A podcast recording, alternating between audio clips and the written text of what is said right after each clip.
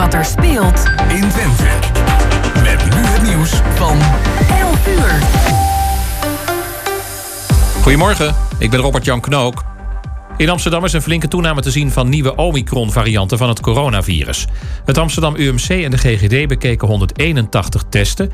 En daarbij werd in 13 gevallen zo'n nieuwe variant gevonden. Vorige week was dat maar één keer.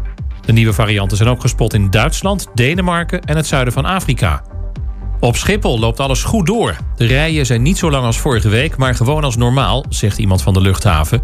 Het is vooral wat drukker in de aankomsthallen met mensen die terugkomen van vakantie, maar dat geeft geen problemen.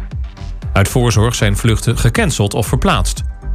In Rotterdam zijn auto's van Oekraïense vluchtelingen vernield, zegt de politie. Op beelden zou te zien zijn dat sommige auto's zijn opengebroken en uit een van de auto's zou geld zijn gestolen. De politie zegt niet waar in Rotterdam het precies is gebeurd.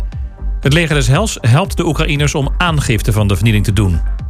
Feyenoord is van plan om de finale van de Conference League tegen AS Roma 25 mei ook uit te zenden op grote schermen in de Kuip.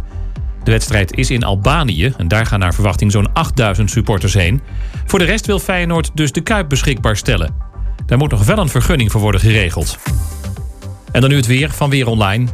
Langzaamaan komt de zon erbij. In het zuidoosten en oosten kan nog een bui vallen. Rond de 20 graden is het. Morgen ook. Daarna warmer. En tot zover het ANP-nieuws. Zeg, hoe lang heb jij vandaag onder de douche gestaan?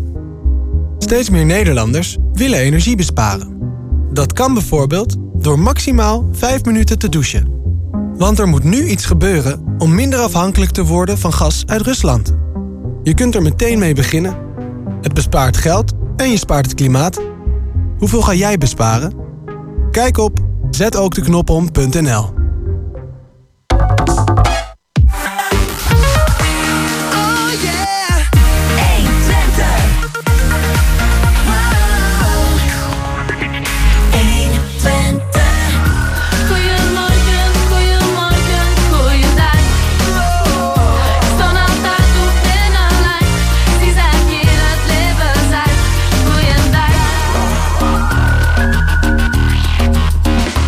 Ja, twee minuten over elf. En zoals aangekondigd, weer tijd voor het tweede uur van Goedemorgen Hengelo. Hier live uh, vanuit de studio in de bibliotheek. Zit helemaal vol. Ja, we hebben Dat, zelfs een, gewoon een gastentafel. Er wordt lekker geroezemoest op de achtergrond. ja, dat is alleen maar gezellig, toch? En uh, wie hebben we te gast? inmiddels aangeschoven Mirjam Gunsberg. Voor onze luisteraars zeker geen onbekende. En ze heeft haar boek Poolse tranen vertaald naar het Pools.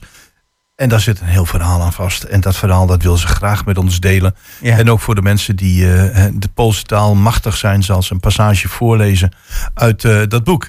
En dan gaan we literair verder met uh, Dennis Kuipers, die in Nederland is neergestreken om zijn boek De Atlas van Overal in het kader van de Boekenweek te promoten. En Ja. dan de wekelijkse gasten. Eh, ja, inderdaad. eh, dat is wat moet weer een traditie gaan worden in de zomermaanden. Marcel Diepemaat aan de telefoon. Met wat er te doen is op Cultuurpodium Houtmaat. Op de zondagmiddagen is er weer van alles te doen.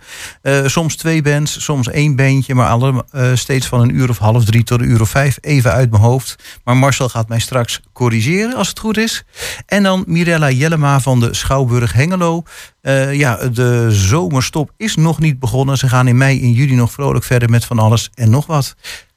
Goed, maar we beginnen met uh, muziek. Jolie, Le Taxi van Vanessa Paradis.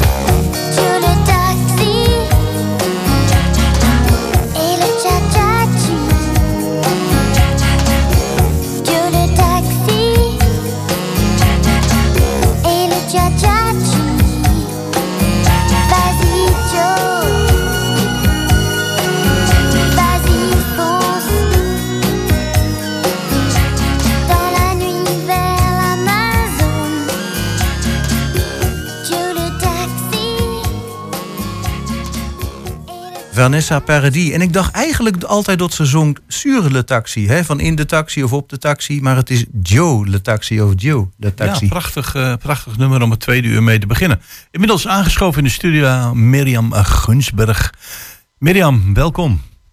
Dankjewel. Oh ja. En eh, ja, je bent hier al meermaals eh, te gast geweest. En in deze week eh, speelt er natuurlijk alles rondom eh, bevrijding, dodenherdenking. En, en jij en ik met duizenden anderen staan stil bij, eh, ja, bij de rol van de Poolse bevrijders, waarvan onze vaders er twee waren. Je hebt daar eh, meerdere boeken over geschreven. Eh, het boek Held zonder Vaderland is er één van. Mhm. Maar je hebt dat ook vertaald naar het Pools. Daar gaan we het dan zo even ik, over ik hebben. niet, hè? Nee. Het is vertaald naar het Pools. Oh, nou, ja, Nou. ga- daar gaan we het zo nog uitgebreid over Ik denk, laat, laat, ik, laat ik haar nou op een voetstuk zetten. Is het, nee, is goed. En eh, natuurlijk staan we ook stil bij de situatie in Oekraïne.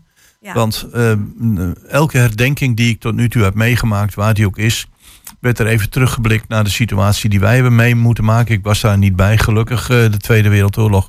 Maar eh, ook met de situatie in Oekraïne. En en dat doet een heleboel mensen, doet dat ontzettend veel. En zeker de mensen die uit Polen komen, want daar worden heel veel Oekraïners worden op dit moment opgevangen. Heeft dat nog een bepaalde impact op jou, de, de situatie daar in, in, in Oekraïne? Ja, zeker. zeker. Ehm, nou, ten, eerste wat je al zegt, ik heb ook heel veel. ehm, ik vond het heel ge- gelijk eigenlijk aan de geschiedenis van de Polen destijds voor, voor de Tweede Wereldoorlog. Mhm. Hoe, eh, ook de geschiedenis van mijn vader, hoe die dingen vertelde, hoe hij ook bang was voor de Russen, die al, in, al voor 1918 al een paar keer Polen zijn binnengevallen. Mhm. En eh, ook hoe zijn ge- geschiedenis zich ontwikkeld heeft. Omdat hij toen de oorlog uitbrak in Italië zat als arts. En eigenlijk net zoals veel mensen, Oekraïners die nu niet in Oekraïne wonen, toch Hm. besluiten om te vechten voor dat land. Dat heeft mijn vader ook gedaan. En dan al die gruwelijkheden die daar gebeuren. eh, verkrachtingen, mensen uit huis gestuurd. En dingen. Dat is ook precies in Polen gebeurd. Dus Want omdat die- ik zo met dit boek bezig was, kwam, kwam het eigenlijk nog eh, het onrecht en de onrechtvaardigheid daarvan nog dieper binnen. Ja. Mm. Want een van, een van de dingen, kijk, Polen is, eh, en dat weten een, een aantal mensen denk ik niet, eh, Polen is binnengevallen door de Duitsers natuurlijk op 1 september 1939. Maar kort daarna kwam er van de andere kant, vanuit het oosten, kwamen de Russen. Dus ze werden eigenlijk als het ware platgewalst. In de, in de tang. Ja, en eh, na de Tweede Wereldoorlog eh, waren al die mensen die, die eigenlijk uit Polen weggegaan zijn om voor de vrijheid van Europa te strijden, in principe niet meer welkom. Ja, je mocht wel terugkeren, maar de consequenties die daaraan verbonden waren, die waren voor jou. Nou ja, en mijn vader was Joods, dus dat was dan eh dubbelop. Die zou, Ja. Dat zou zijn dood hebben betekend. En hij was daar ook heel, heel bang voor. Ja, kan ik me alles bij voorstellen, ja. Ja. Want er is natuurlijk een, een geschiedenis die ergens in het, in het boek wel naar voren komt. Die heb je ook een keer met ons gedeeld. Je zegt van, er is iets gebeurd in het Poolse geboortedorp van mijn vader... waar ik, ja, waar ik heel, heel verdrietig bij werd. Dat, dat, Ja. dat mensen daar zijn vermoord zonder, eh, ja, eigenlijk alleen om het feit dat ze Joods waren. En nu heb jij gezegd van, ik, ik wil dat, dat, dat prachtige boek wil ik ook toegankelijk maken voor de Poolse lezer, voor de Poolse mensen. Maar ik ga ook daar naartoe. Want je bent Ja. er al eh, vaker geweest, maar je bent daar naartoe. En ik heb tussen de regels doorgelezen dat dat heel veel met jou gedaan heeft. Ja. Dat bezoek. Vertel eens.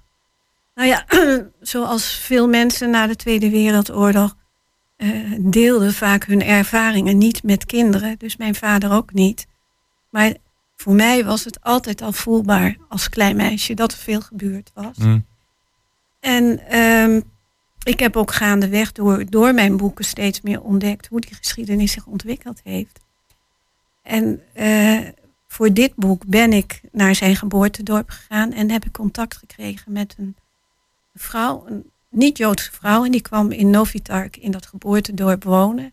En die wist dat er vroeger veel Joden gewoond hadden, maar er waren, werden- waren helemaal geen tekenen meer daarvan.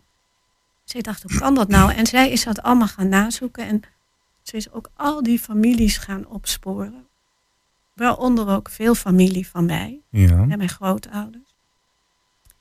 En uiteindelijk heeft zij ontdekt. En wij hebben daarbij gestaan dat op het Joods kerkhof de vader van mijn vader eigenlijk de belangrijkste Joodse man daar in dat dorp was. Ah. En dat die allemaal eh, naar dat kerkhof zijn ged- gedreven. En 30 augustus eh, in 1942 werden ze gedwongen eh, om zich allemaal uit te kleden door, door de Duitsers. Ja. Zijn ze stuk voor stuk doodgeschoten. En mijn grootvader en grootmoeder moesten toezien. En die zijn als laatste doodgeschoten. Jongen, jongen. Ja, dat, is iets waar mijn vader nooit over gesproken heeft.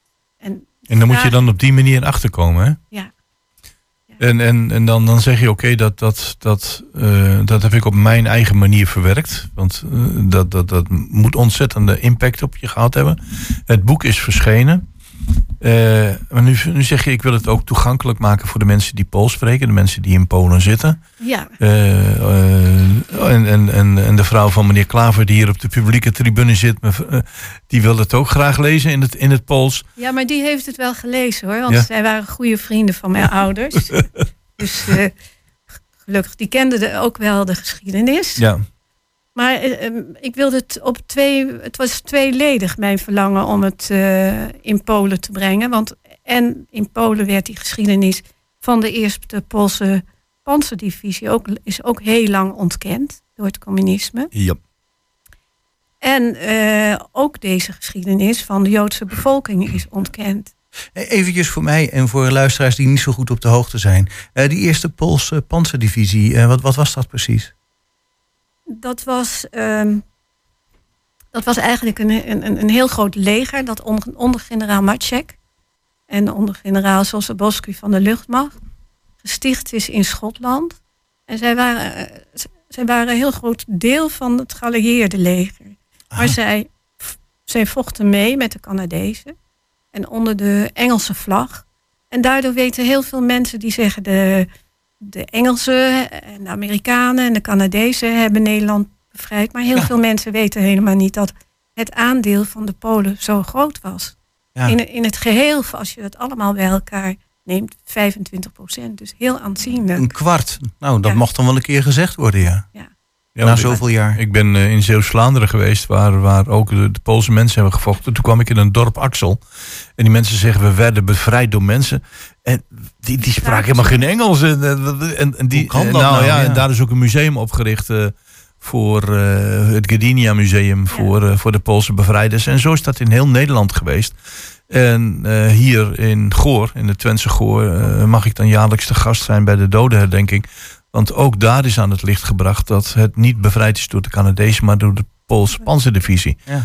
Bij Eh, heel veel plaatsen, hè? ook in, in, in Drenthe en wat dan ook. Ja. Maar over dat, eh, dat rare spreken, dat is dus zelfs bij mijn moeder gebeurd. Hè? Die eh ingekwartierd, die zat, die zat in een huis in, in Dorst vanuit Den Haag. Omdat Ja. ze- en opeens hoorden ze hele mannen een heel raar taaltje spreken. en, en dat, Eh, je, je moeder kon ook niet zo goed Pools nog. eh. nee, Nederland. Maar dat was mijn vader. Eerst dacht ze, oh, Nou, dat is toch ook hartstikke raar, zeg. Dan weet je niet eens dat je door eh, de landgenoten van je man bent bevrijd. Ja. Ja. Ja. nou ja, dat werd pas later haar man. Oh, oké, oké. Nee, dan wordt het wat duidelijker. Dat is ook ja. een heel mooi verhaal. Maar, en, en, en dan eh, op een gegeven moment zeg je, nou de wens is het om, eh, om het naar het eh Pools te laten vertalen. Om het daar te presenteren. Die zegt van, ik heb het, de geschiedenis meegemaakt van, of niet van mijn vader, maar van de mevrouw uit het dorp. Eh, die trieste geschiedenis heb ik meegekregen. Dan ga je er nu weer naartoe. En mm, het idee om het naar het Pools te vertalen, maar ook om het in het Polen wereldkundig te maken, dat heeft ook wat losgemaakt. Ja. En ik moet zeggen, daar heb ik dus ook wel hele goede medewerking gehad van het Generaal Maciek Museum in Breda. Die zijn met mij meegegaan. En het, de, het Historisch Museum in eh Warschau ook. Ook nog het Holocaust Museum. Dus die zijn ook heel erg geneigd om die geschiedenis weer eh, ja, eh, zichtbaar te maken en te Mm. laten leven.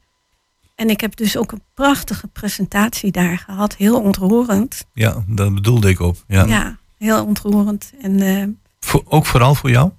Ja, Of voor de mensen die, die het verhaal voor Nou, het eerst voor in hun mij. leven horen? ik voelde me wel een beetje Alice in Wonderland, want ik, ik spreek geen Pools. Dus iedereen zat daar te praten en er was een, eh, hele goede zangeressen die ook voor inderdaad voor de Oekraïne zorgen. En er Ja. waren ook gedichten voor Oekraïne. En ehm, er werd uit mijn Poolse boek voorgelezen door een hele goede acteur. En die deed dat heel erg mooi, heel, heel eh, ontroerend. En ik, eigenlijk merkte ik ook pas voor het eerst hoe mooi die Poolse taal is als hij zo, als hij zo literair wordt voorgelezen. Oké. Ja, nog even terug op die taal. Want je zei al, je hebt hem niet zelf vertaald, maar dat heb je laten doen. Ja. Maar je vader was Pools. Eh, je hebt dan toch wel iets van het Pools meegekregen, of niet? Eigenlijk niet. Nou ja, wat ik meegekregen heb is. ehm, als kind ging mijn vader vaak naar Foto Jozef, Ja, hier in Hengelo. Kennen jullie er misschien? is ook een boek over geschreven. Geen Foto- idee. Leg even kort uit, een Ja, van dat jullie twee. was een, een, een meneer die kwam met Polen en die maakte voor alle mensen die eh, Fotograaf. een fotograaf Hm. en die, die maakte foto's van huwelijken, van geboortes, van doopfeesten. Maar goed, die heette eh, Foto en Jozef. die heette ja, en die Foto had een heel klein fotowinkeltje. En dan ging mijn vader daar één keer naar de week naartoe. Maar gewoon puur uit heimwee, denk ik, om eh Pools te kunnen spreken. Dus dan kocht hij maar filmpjes en alles. En werd ik op dat kleine rottan stoeltje waar de spijkers uit staken gezet. En dan zat ik dan anderhalf uur of zoiets. Aha, dus het. Pools, dan, dan krijg je al gauw een associatie. Het Pools is voor mij een marteling. Of, Eh, nee, het was meer zo. Nee, nee, nee, want mijn vader was dan fanatiek en blij. En dan Ja, zat ja. hij een beetje zo te slissen. Ja. En later ook, hè, met jouw vrouw Eva. Dan kon ook Pools praten. Maar Hm. Voor de rest was hij toch wel een eenling in, eh, in Hengelo. Ja. en hij heeft dus blijkbaar niet zijn best gedaan om ook een beetje jouw Pools bij te brengen. Daar zag hij ook het nu niet van in of zo. Dat... Tenminste, Nee, nou ja, dan, dat, daar zou dan natuurlijk ook mijn moeder bij betrokken moeten zijn. Maar mijn vader was anesthesist hier in Twente. En eigenlijk was hij meer in het ziekenhuis dan thuis. Hij werkte heel hard. Ah, ja, dus ja. dan, eh, wanneer zou je dat hebben moeten Ja. doen? ja, dan is hij ook blij dat hij op zondag even stil kan zitten. Ja, dat... Ja, maar dan was hij wel met ons bezig. Maar om dan, een- Het Pools eh, bij te brengen. ja, Maar nog even terug naar, je komt daar, er wordt voorgelezen uit jouw boek. Je zegt van oké, ik, ik, ik hoor aan de stem van de acteur dat hier iets eh, moois uitgesproken wordt. Het heeft heel veel met jou gedaan, het Alice in Wonderland gevoel. Ehm, jouw band met Polen was al sterk, maar die is nu versterkt. Maar ook het verhaal heeft natuurlijk wel wat losgemaakt. Want een heleboel mensen zullen het wel gekend hebben. Maar niet op de manier waarop jij het neergeschreven hebt. nee. Nee, en dat, dat was ook wel wonderlijk om te merken. Dat er toch, eh, en dat kwam natuurlijk ook door die goede acteur. Dat het ook daar ontroering bracht bij mensen. Dus ik, ik heb nog nooit zoveel handkussen op één dag gekregen. Ja, dat is ook weer typisch Pools dat is wel natuurlijk. heel, heel Eh, de- Pools. ja, Ja. wat ik zeggen, de, dat heb Ja. ik daar bij mijn eerste bezoek eh, jaren geleden meegemaakt. Dat, die, dat men daar heel galant kan zijn. Heel galant. Ja, ja, Ja. ja. Ja. En eh, nu is het. eh, Nu heb boek- ik ook nog, nog wel een mooi verhaal later gehoord. Want toen ik hoorde dat dat zo mooi was. En toen vertelde een vrouw met wie ik mee was over. Die zei van, ja, er was ook een actrice voor de oorlog. En die heeft in Amerika, hebben ze gevraagd, kan jij niet iets in het Pools voordragen? Hm. En dat deed ze. En de mensen zeiden, oh, het is zo mooi. Ik hoorde de zeeruisen, ik hoorde de bomen en ik hoorde alles. Zo mooi. En toen zei, vroegen ze, wat was dat? Ja. En toen zei ze, het alfabet.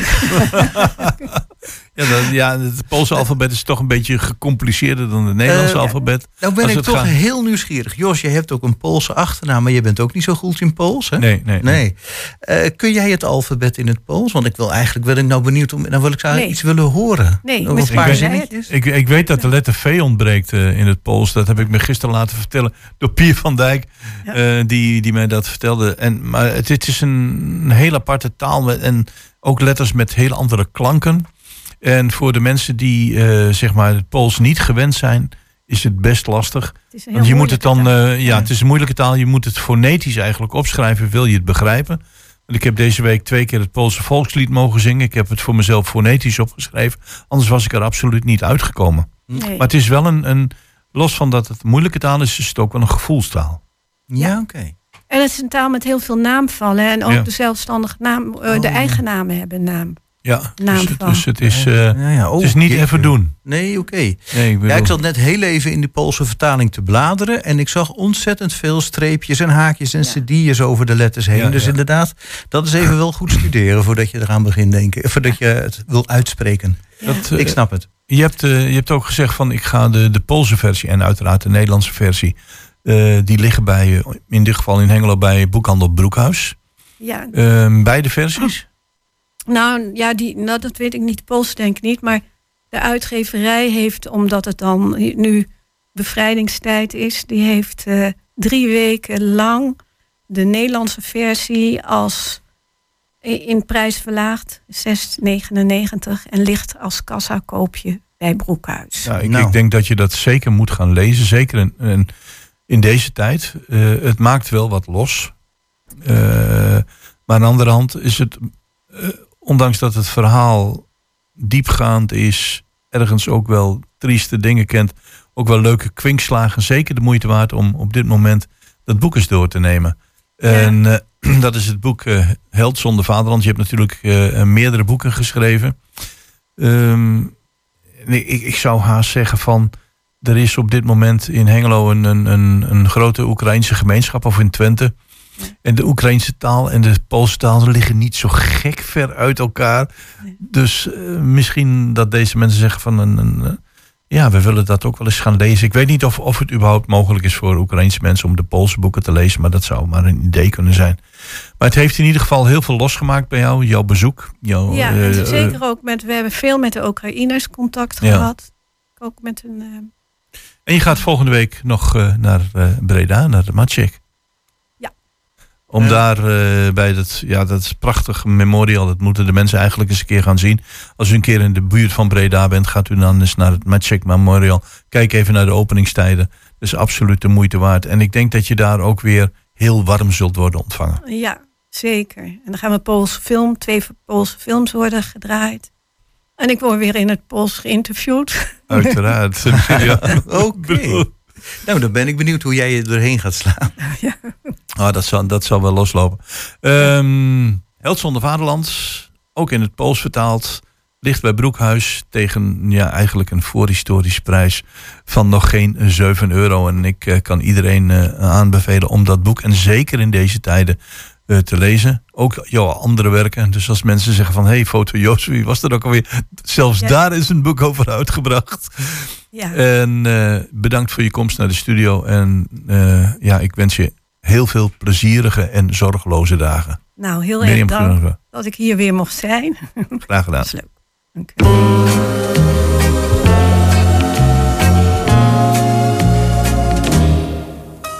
dance in the old fashioned way. Won't you stay in my arms? Just melt against my skin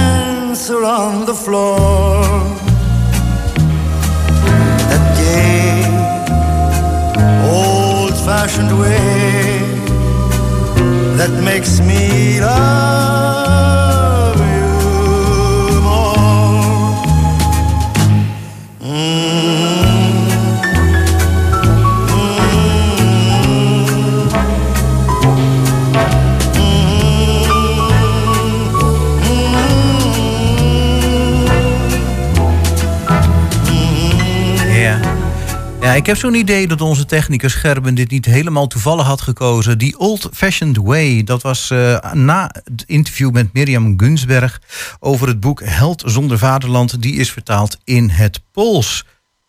Ja, en dan gaan we nu naar onze volgende gast. Die hebben we ook regelmatig te gast in ons programma. En hij is nu even in Nederland vanwege zijn eh, de boek De Atlas van Overal.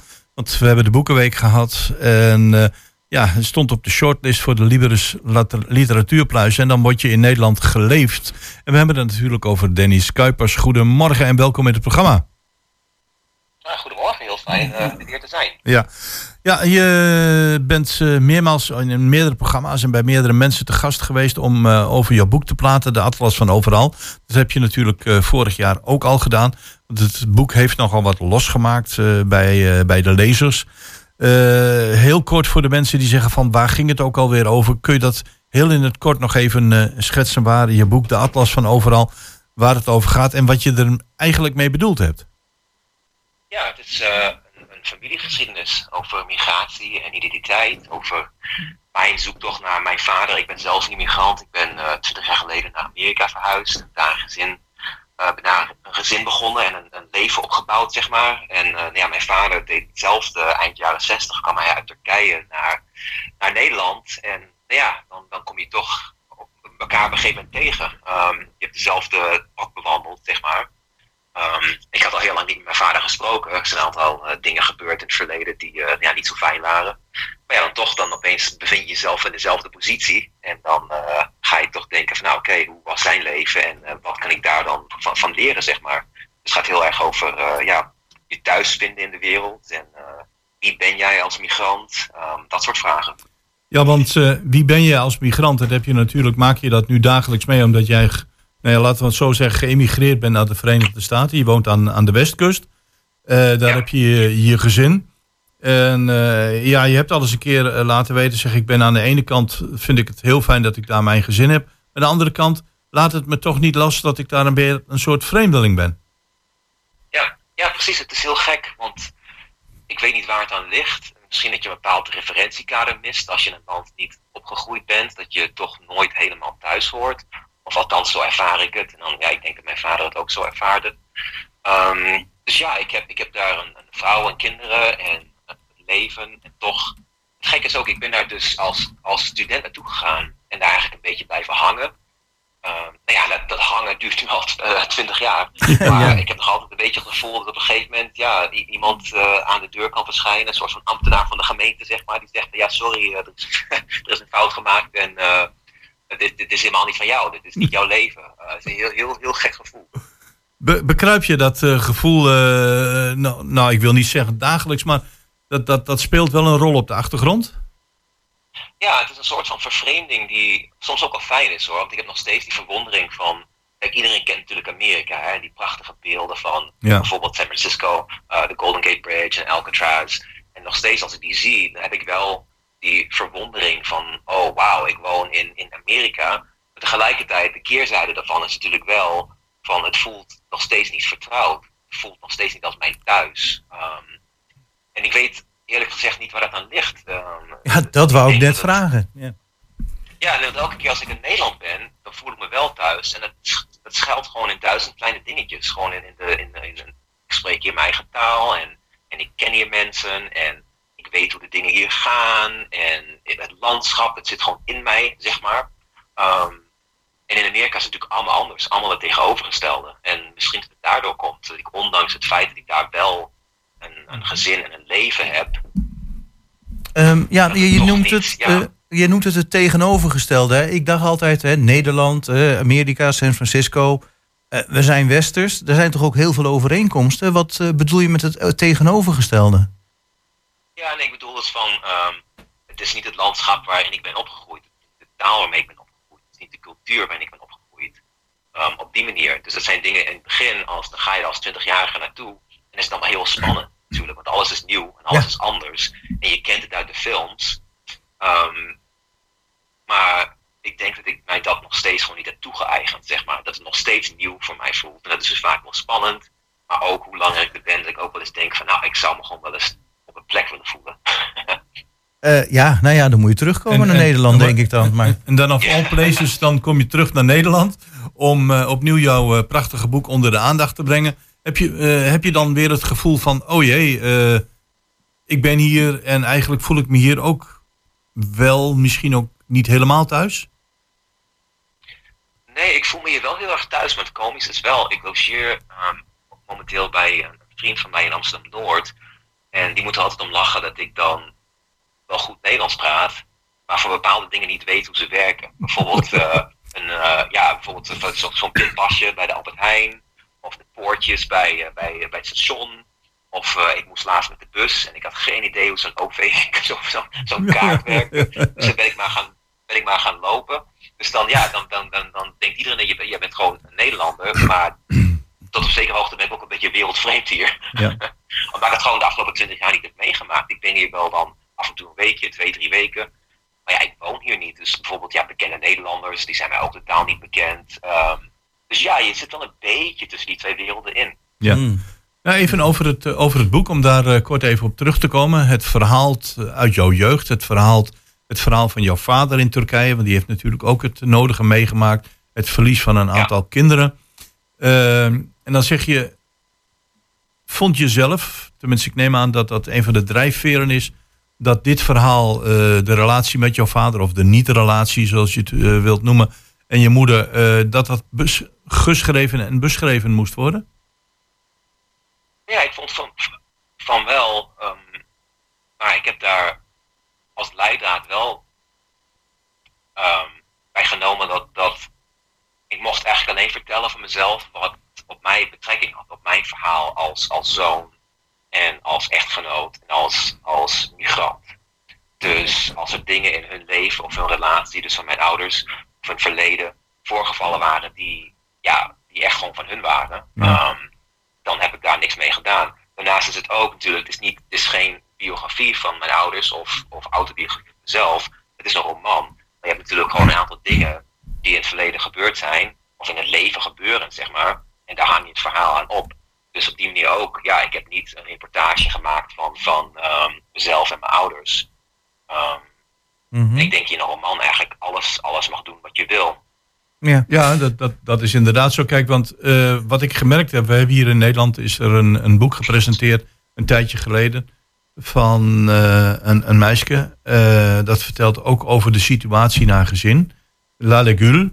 Zij heeft eh, een hoge onderscheiding gekregen, de, de Pim Fortuyn eh. En, en dan hoor je eh, geruchten of verhalen uit de Nederlandse omgeving die jouw boek lezen. Die zeggen van op een of andere manier begrijp, grijp me dat boek aan. Maar heb je ook reacties gehad uit bijvoorbeeld de Turkse gemeenschap op jouw boek? Nee, weinig. Ehm, die reacties kwamen alleen maar via via. En dan van bijvoorbeeld mijn ouders het begin, zij nog wel contact met mij hadden. Ehm, nou ja, en dat, dat mensen boos waren. Ik heb het zelf niet gehoord. Ehm, dus ik denk dat het wel meevalt. Het is namelijk geen, het is geen afrekening. En het, is geen, het levert geen kritiek op ehm, bijvoorbeeld de Turkse gemeenschap. Dus in dat opzicht nee. Ja, mijn ouders zijn niet blij met het boek. Eh, die hebben het niet gelezen. Maar ja, die vonden wel van oké, hier mag je niet over schrijven. Dat zijn dingen die eh, hebben zich ja, achter gesloten deur eh, hebben die plaatsgevonden. En Oh, ja, waarom moet je dat aan de wereld vertellen? Ja. Wat ik me nog, nog één vraagje, wat ik me nog zat af te vragen. Ehm tenminste, ik denk dat dat ook wel een beetje duidelijk is, maar ik wil toch bevestiging van jou. Ehm ze, eh, trek je ook parallellen tussen wat jij gedaan hebt en je vader? Hè? Want je vader is ook geëmigreerd naar Nederland, als ik het goed begrepen heb. Ja, en jij bent weer geëmigreerd naar Amerika. En ehm, had je vader eigenlijk ook bijvoorbeeld zo'n vergelijkbaar gevoel van net niet thuis horen hier in Nederland? Ja, zeker. Hij, eh, toen hij hier kwam, was hij eigenlijk een van de eerste ja, eh, Turken die toen naar, Nederland kwam. Ehm, voor, ja, voor, voor werk, zeg maar. En hij had niet het idee dat hij zou blijven. Dus hij heeft nooit echt goed Nederlands geleerd. En nou ja, eh, ook met ons, hij, mijn zus en ik hebben ook geen Turks geleerd. Want hij had het idee van, ja, ik ga zo snel mogelijk terug naar Turkije. En dan leren ze het daar wel. En dat is nooit gebeurd. Dus hij is eigenlijk ook een beetje blijven hangen. Maar in tegenstelling tot ik, of tot mij, ja, ik kan bijvoorbeeld wel gewoon in, in Amerika, ik spreek natuurlijk gewoon Engels. Dus ik kan daar wel meedraaien in de maatschappij. Hij heeft daar op een zekere hoogte een soort van altijd die afstand gehouden tot, tot Nederland. Omdat hij gewoon de taal niet goed spreekt. En hij zit ook helemaal niet in die cultuur. Hij gaat alleen maar met Turkse mensen om. Hij gaat naar een Turks café. Hij, hij leest de Turkse krant. Dus het is voor hem, hij is veel geïsoleerder. Ja, ja dat is toch wel een groot verschil. Heel, eh, heel herkenbaar. Dennis, even tot slot. Eh, je, bent, eh, je bent eigenlijk geleefd de afgelopen tijd. Je bent van interview naar interview gegaan. En ik heb naar jou zitten luisteren in eh, het programma Kunststof. En daar werd aan jou gevraagd om een, iets op een tegeltje te zetten. En eh, zou je dat, die spreuk ook met ons willen delen? Want daarmee wil ik dan ook het interview afsluiten. Ja, ja nee, ik zei, het leven is niet hoe je het leeft, hoe je het beschrijft. Ehm, dus ja, het leven is eigenlijk het verhaal dat jij ervan maakt. Oké Dennis, eh, de Atlas van Overal. Het boek waar, eh, waar jij eh, in verteld hebt hoe jij bepaalde zaken in jouw leven hebt ervaren... ligt natuurlijk overal in de boekhandel te koop. Die stond op de shortlist voor de Literatuur, Liberis Literatuurprijs. Is daar al iets over bekend? Nee, die wordt maandag uitgereikt, dus ik sta nog steeds op de shortlist. En wanneer, wanneer ga jij terug naar de Verenigde Staten? Ehm, ja, afhankelijk van wat er maandag gebeurt. eh, oké. waarschijnlijk, waarschijnlijk volgende week zondag. Ja, Goed. waarschijnlijk, het ligt eraan, ja.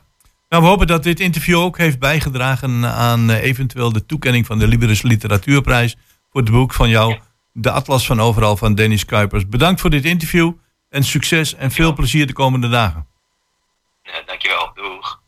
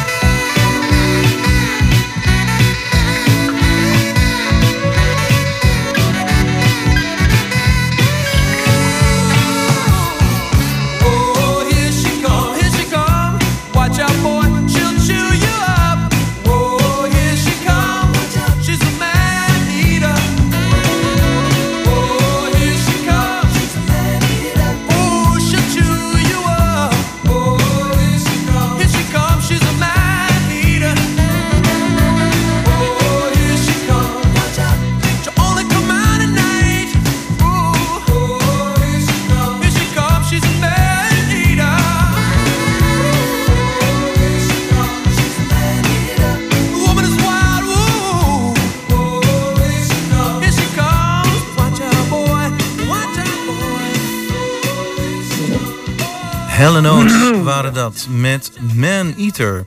Eh, we gaan naar, ja, de, voor de tweede keer dit seizoen... de cultuurpodium Houtmaat. En we hebben aan de telefoon onze vaste eh, ja, contactpersoon... Marcel Diepemaat. Goedemorgen. Ja, goedemorgen. Ja, nou, vorige week eh, de aftrap voor het eerst.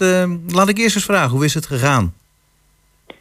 Ja, nou op zich eh, ja, probleemloos. Eh traden twee bands op. Ehm, het alle begin moet toch eventjes, eh, mensen moeten toch wel eventjes weten eh, dat er een, eh, weer een nieuwe start is gemaakt, zeg maar. Er Ah, waren, denk ik al 130, 140 mensen. Kunnen er iets meer in. Maar goed, op zich zijn we er tevreden over. Het geluid was goed. En eh, ja, eh, we, we hebben vandaag bijvoorbeeld ook weer hele andere, of vanmorgen moet ik zeggen, weer hele andere eh, artiesten. En dat maakt het gewoon heel leuk. Ja, en het weer is, was vorige week volgens mij ook niet slecht. En morgen, nou, het is vandaag warm zat in ieder geval. Ja, vorige week was het eigenlijk iets te koud. Dat was een gaatje of 13 en mensen zitten. Hè, en dan is het toch wel iets, ja, iets wel, wel- wel aan de frisse kant, zeg maar. Mhm.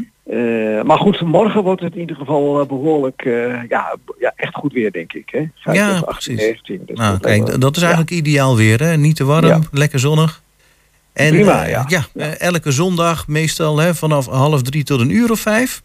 En Ja. morgen zijn er weer twee bands. En ik zie hier staan Try Out en Reborn. En dan denk ik bij Try Out ehm, toch een beetje een lastige titel als je jezelf steeds Try Out wil no- eh, wil noemen. Ja, dat is de keuze die ze zelf hebben gemaakt. Hè? Dus, Ja, eh, zo van nou wanneer gaan ze het nou eens in het echt doen, denk ik dan. Ja, Maar ja. Nou, morgen hebben ze de kans. hè? precies. Maar ik neem aan dat het wel een goede band is. Ja, ik heb, eh, de meeste mensen heb ik wel iets van gehoord. Eh, deze band ook wel. Het is echt een eh, soul eh, formatie. Dus liefhebbers van soulmuziek van, van Stevie Wonder, Rita Franklin, Earth, Wind Fire, dat soort artiesten, James Brown. Ja, die kunnen hun hart ophalen zeg maar aan, eh, ja, aan het optreden morgen. En eh, goed, die spelen dan in het tweede gedeelte, zoals wij dat dan noemen. Hè? Dus, dus van, van rond vier uur tot eh, vijf. En eh, ja, goed, wat ik al zei, van het is de, de eerste soulformaties hebben ook nog niet eerder opgetreden op de houtmaat. Dus we zijn benieuwd. Ja, oké, maar dat klinkt in Ja. ieder geval veelbelovend. Eh, behalve dan de, hè, de stijl die je noemt, schuwen ze ook af en toe niet een nummer uit de top 40 van de hedendaagse muziek. Dat lees ik hier. Dus van eigenlijk Ja, een beetje van alles wat, hè? Ja, maar wel gebaseerd op soul. Ja, oké. Ja, En dan eh, die andere band, ik kan wel raden waar ze vandaan komen, want ze noemen zichzelf Reborn met een eetje erachter. Dus die komen uit Borne, neem ik aan. Ja, het is eigenlijk steeds niet eens duidelijk of het nou een reborn met een E of niet een E. eh, want zelf in een presentatie geven ze, laten ze de E weer weg. Oh. Ehm, maar goed, het, het is een, een stelletje vrienden die, eh, wat ik zelf ook gelezen heb, elkaar al, eh, ja, al 40, 50 jaar kennen. Vrienden van vroeger, die trokken met elkaar op. jarenlang niets gedaan en tijdens een ontmoeting op het terras is altijd wel leuk om te melden. In Borne kwamen ze elkaar tegen en toen hadden ze zoiets van, we hebben zin om eens een keer wat te gaan doen. En dat resulteerde in Good Times Music Group. En dat is een eerste, de eerste band, een band waarin ze plezier maken met lekkere muziek, eh, nummers uit de 60, 70 jaren. En eh, nou, dat heeft zich eh, verder zeg maar, geprofessionaliseerd. En eh, ik werd een aantal eh, weken geleden gebeld door eh, een van die mensen en eh, van mogen wij eens optreden. En uh, of uh, het is in ieder geval wat lang geleden. Maar in ieder geval of, of ze eens mochten optreden. En uh, nou, dat, dat, was ook zo dat 8 mei, dat is morgen moederdag, dat is ja. altijd wat lastiger om uh, bands te vinden. nou, dat viel een optreden ook al, ook al uit. En toen dachten wij, dan plaatsen we deze heren plaatsen wij daartussen in dat schema. Ja. En ze, spelen, ze spelen best, best leuke of aanstekelijke muziek. Um, een beetje van Beatles hoor je, zul je horen. Crosby, Stills, Nash Young. Neil Young, de Eagles, Creedence, nou, Rick Nelson, dat soort muziek is meer gebaseerd op de ja, 60, 70 jaren. En er zijn dus vrienden die het, ja, die het met elkaar gaan doen en hebben besloten om dat tijdens een optreden ook eens te laten zien. Ik heb toevallig vorige week nog de zeg maar, de leider van de band gesproken. En die heeft er heel veel zin in. Dus eh, ik zou zeggen, eh, welkom. Ja. Ja, hartstikke goed. Ja, je noemde het net zelf al, eh, moederdag. Doe jij daar nog, is er nog op de houtmaat iets te zien, een moederdag tientje? Of? Nee, niet dat ik weet. Kijk, de organisatie van, van, van dit, dit, dit houtmaat gebeuren, zeg maar, ja dat, eh, ja, dat vergt op zich al best veel tijd. Eh, en, en- nou ja, inderdaad hoor. Ik, Ja, ik ja. neem je niks kwalijk. Nee, dat, Nee, nee, nee, dat snap ik wel. Nee, maar niet dat ik weet hoor. Dat er wordt wel, ja, ik, ik, ik moet nog wel afwachten of er veel mensen komen. Dat is natuurlijk altijd net. eh, Ja, dat is een beetje lastig, zo. hè? Zo van de ene kant van, nou, iedereen wil naar zijn moeder, wellicht. Maar het kan ook zijn dat je met je moeder een keer even lekker eruut wil. En dan kan je natuurlijk ik- ook naar de houtmaat komen. ja, ik hoop dat laatste. Ja, nou, dat hoop ik eigenlijk ook voor je. Ja, ja, ja, dat zullen we net zien. Nou, nog even voor alle duidelijkheid. Het is van half drie tot vijf. De toegang is gratis. Ja. En er kunnen er minstens 200 eh, mensen kunnen er, eh, er wel een plekje vinden, hè?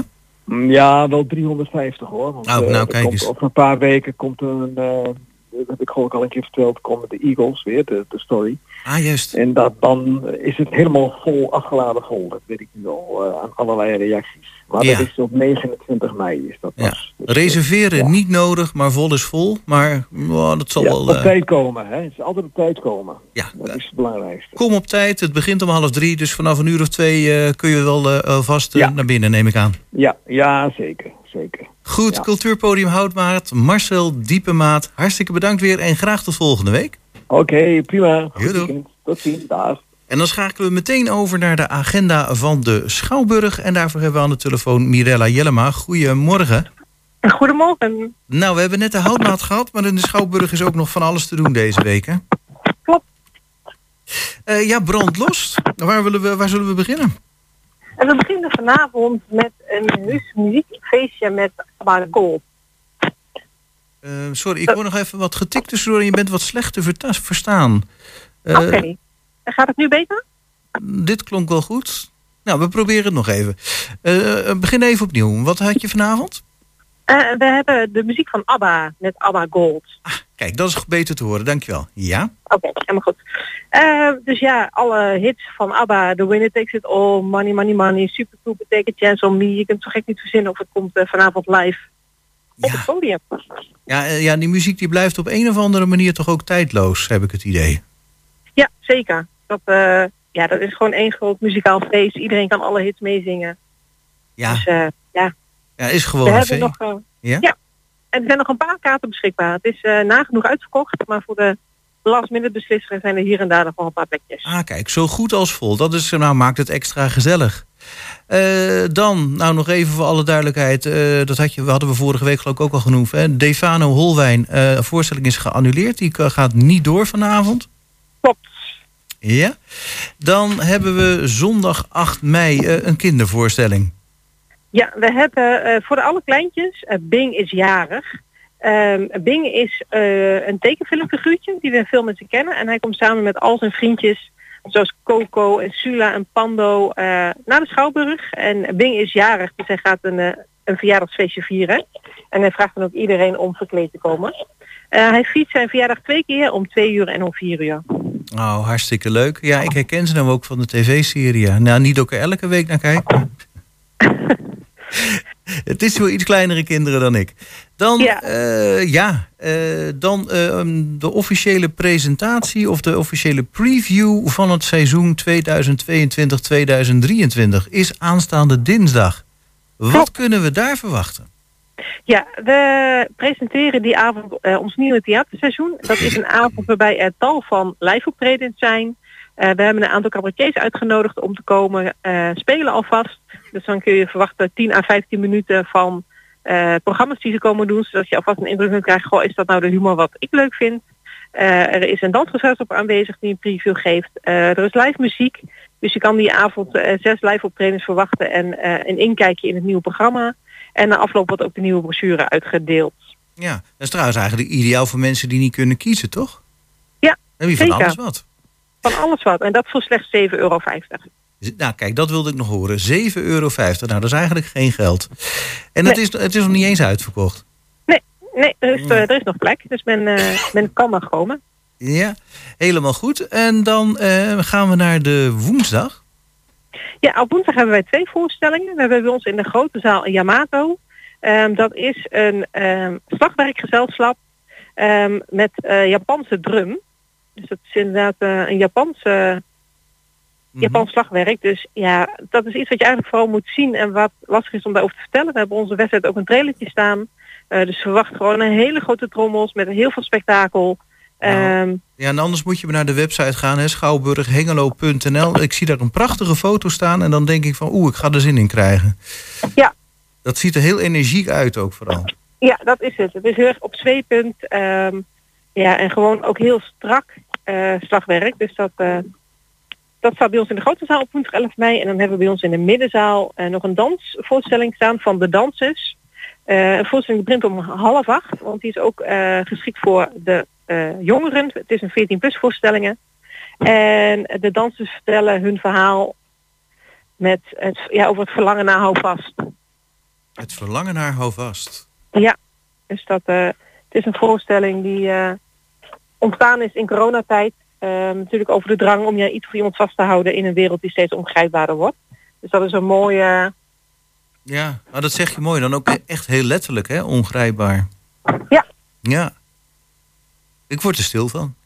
Ehm, goed, eh, dat was dan de woensdag. Eh, donderdag en de vrijdag is er eventjes niet zoveel. En dan, eh, ja, dan kunnen we de zaterdag misschien nog wel even noemen. Het open podium, hè? Ja, we hebben zaterdag 14 mei de grote finale. Ehm, er zijn eh na de voorrondes en de halve finales nu nog 10 finalisten over. En, en zij gaan zaterdag strijden om de hoofdprijs van 2500 euro. Ehm, dus dat wordt een, eh, een spannende avond en vooral ook een hele leuke avond. Eh, we hebben dus nog 10 finalisten. eh, en die krijgen allemaal acht minuten de tijd om de jury, zowel de vakjury als de publieksjury te overtuigen. Ehm, dus dat is gewoon een gevarieerd programma. We hebben zang, dans, muziek.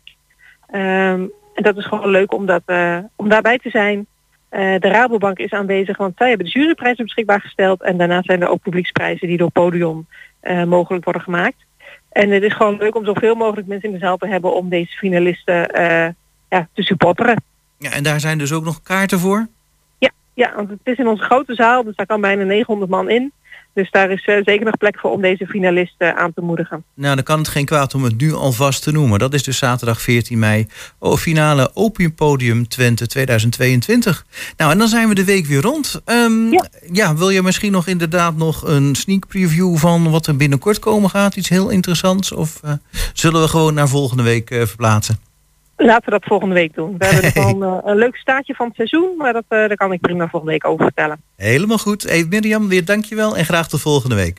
Graag gedaan. Ja, en daarmee zijn we gekomen aan het eind van eh, twee uur. Goedemorgen Hengelo met eh, opnieuw weer interessante gasten. En eh, voor volgende week staat grotendeels in het teken van Art Brut. Ja, absoluut. ik heb er helemaal live- zin in. Ja, dat kan ik me voorstellen. Ik, ik bedoel, ik ben nou net in dat V&D-gebouw net een kwartiertje geweest en ik moest weer terug. Maar eigenlijk wilde ik daar nog wel weer een uur gaan rondlopen, want die hangt al zoveel. Nou, ik zou zeggen... En zo mooi. maar goed, volgende week mag ik weer, zal ik maar Goed, zeggen. Volgende week zijn we er weer tussen eh, 10 en 12. Met dank aan eh, Gerben, Chris van Pelt en mijn naam is Jos Klasinski. En eh, ik zou zeggen, geniet van het weekend, van het Ja. mooie weer. Dan doen wij dat samen met u. Tot volgende week.